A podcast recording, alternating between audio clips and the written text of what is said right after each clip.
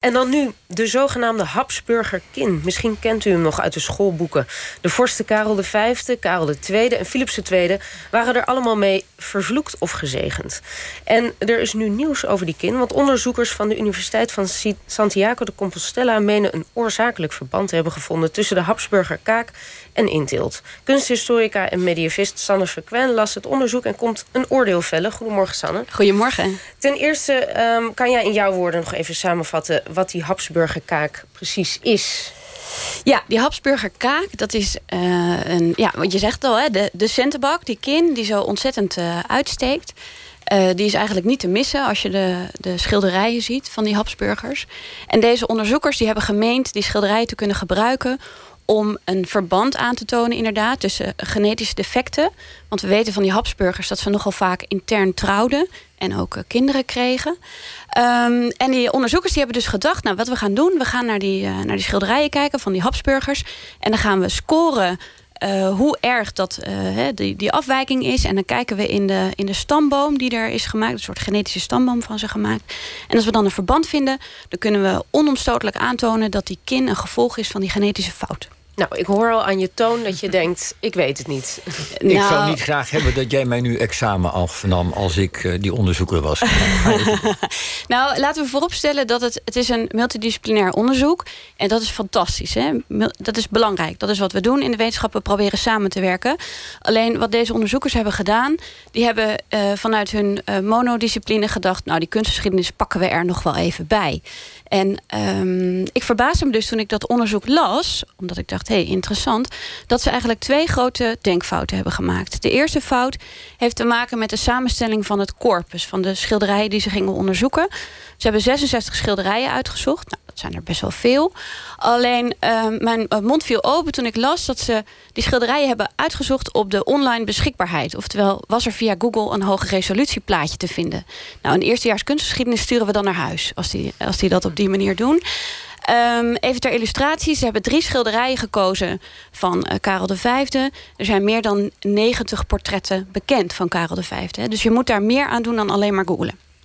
En de tweede fout, denkfout die ze in mijn optiek hebben gemaakt... is dat ze die schilderijen of die portretten hebben bekeken... alsof het foto's zijn.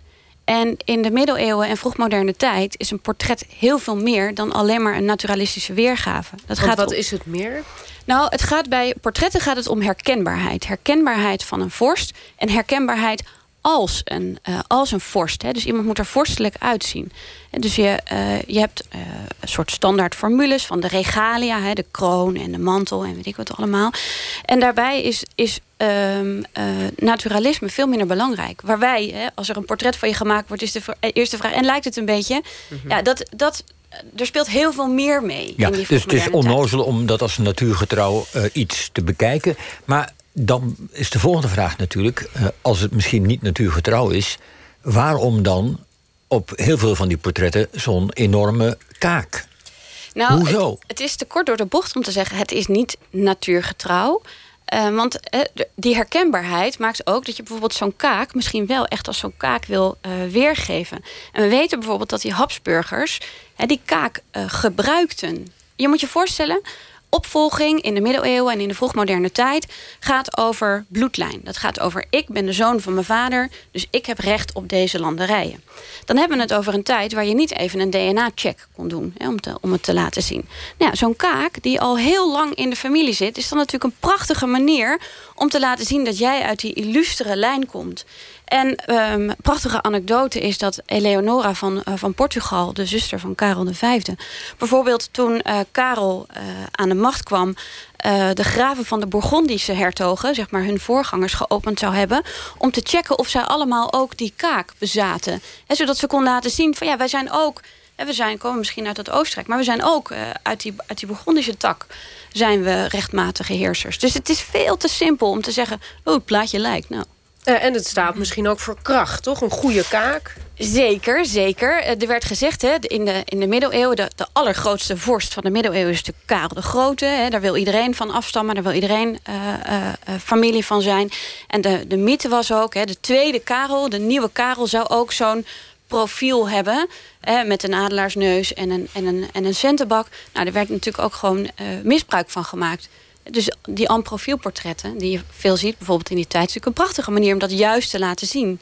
Ja, nu, ja, nu heb je dus verschillende van die uh, Habsburgers, mhm. koningen, die, die een, uh, zo'n kin hebben. Mhm. Wie is het ergst erdoor getroffen? De ergste die daardoor getroffen is, is de laatste Habsburger. Dat is Karel de, Karel de Tweede, is dat. En dat is een, dat is een treurig verhaal. Daar, hè, die, die is, is niet ouder geworden dan 38. En toen hij stierf, is er een soort van autopsierapport beschreven. waarin staat dat hij een gigantisch hoofd had dat eigenlijk voornamelijk gevuld was met water, weinig bloed, had maar één nier. Dus de kaak was het minste probleem. Nou, dat, ik denk dat inderdaad die kaak de minste van de problemen was. Maar ook van Karel V weten we dat hij moeite had, dat hij moeite had met, uh, met eten. Dus dat hij daar ook echt wel uh, last van had en, uh, en problemen, uh, problemen mee had. Ja. Maar dan, je zegt dus dat onderzoek, hè, dat, dat klopt niet, dat oorzakelijk verband tussen ja. die kaak en, en in, nou, in dat onderzoek. Je kan het op, de, op basis van dit onderzoek kan je dat niet aantonen. Dat wil niet zeggen hè, dat je daar helemaal niks over zou kunnen zeggen. Want het gebruiken van een schilderij als bron... dat is ons vak als kunsthistorici. Daar zijn wij voor opgeleid. Je kan heel veel zeggen aan de hand van schilderijen.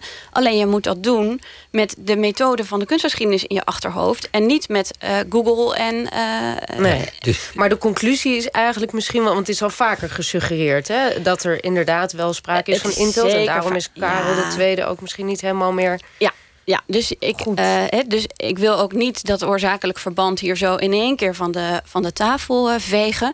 Maar ik zou wel zeggen, als je dit onderzoek nog eens een keer over zou doen, en dat lijkt me een ontzettend goed idee, ga dan eens even echt heel goed naar dat corpus kijken. En maak gebruik van de kunsthistorici die daar, die daar uh, mee bezig zijn. Die, die een idee hebben van oké. hoe worden die portretten dan ingezet? Hoe worden ze gebruikt? Wie heeft ze gezien? Uh, van, uh, van veel van die portretten kunnen ze niet eens zeggen of dat de schilder de geportretteerde daadwerkelijk heeft gezien. Er werden ook wel eens medailles gebruikt of, of prenten om portretten te maken. Ja, daar kan je natuurlijk geen, geen uitspraken, uh, uitspraken over doen. Net als dat je als medicus niet kan zeggen: ik ga een experiment doen in een petrischaaltje. Nou, het werkt ook voor, voor gewone, voor gewone ja. mensen. Er zitten nog wat stappen tussen. Ja, volgens mij zijn we wel bijna rond, maar ik heb toch nog een klein vraagje. dat mag. Want ze hebben dus die kaken en, dat, en die worden dus ook bevestigd op die portretten van generatie op generatie. En als normaal mens zou je denken, dat levert je gewoon slechte pers op als een vorst. Want het, zoiets heeft niet alleen maar een goede. Er zal ook over geroddeld zijn. Ja, er is zeker. Uh, tuurlijk, er werd zeker over geroddeld. De, uh, toen Karel V Spanje bezocht, zou er een boer hebben geroepen: Je moet je mond dicht doen, want anders dan vliegen de vliegen naar binnen. Ik, wil, ik weet niet hoe het afgelopen is met die man. Ik vrees niet helemaal, niet helemaal goed. He, dus tuurlijk zullen mensen daar ook hun wenkbrauw bij hebben, hebben opgetrokken. Alleen. Um, uh, dat, die, hè, die kin werd, werd dus ook uh, gebruikt. En je moet je voorstellen, uh, in de middeleeuwen hè, bestond ook het idee dat je innerlijk en je uiterlijk diep met elkaar verbonden waren. Dus als jij zegt hè, dat jouw vorst een, een lelijk mismaakt gezicht heeft, dan zegt dat wat over, hè, over het innerlijk van die, van die vorst. En dat dat werkt dus niet zo. Dus hè, die, de, de Venetiaanse ambassadeur zei over Karel V... ja, heeft een heel hoog voorhoofd en heldere blauwe ogen. Dus kenmerk van zijn intellectualiteit. Dus ja, dat, de, de, zaken liggen gewoon iets anders dan in, onze, dan in onze periode. Maar je zou dus kunnen zeggen, het, is begin, het begon als een, een kracht, een middel van... Uh, hè, de, ja. wij ja. zijn een sterk geslacht en uiteindelijk is het toch misgelopen... met de laatste uh, Karel de Tweede. Laatste, laatste Habsburger. Ja. goed. Hartelijk dank, Sanne Frequent, voor je komst.